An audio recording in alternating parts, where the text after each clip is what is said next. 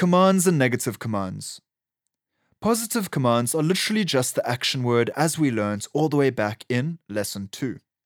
For instance, go, hamba, talk, thetha.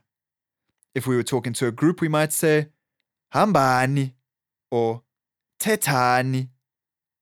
Now we want to say do not do something. And the way to do that in Xhosa is to say musa uku if you're talking to one person and musani uku if you're talking to a group. So don't go to one person. Musa ukuhamba. Don't go, y'all. Musani ukuhamba. Do not talk to one person. Musa ukuthetha. Do not talk to a group. Musani ukuthetha. This, of course, works with any of the verbs that end in a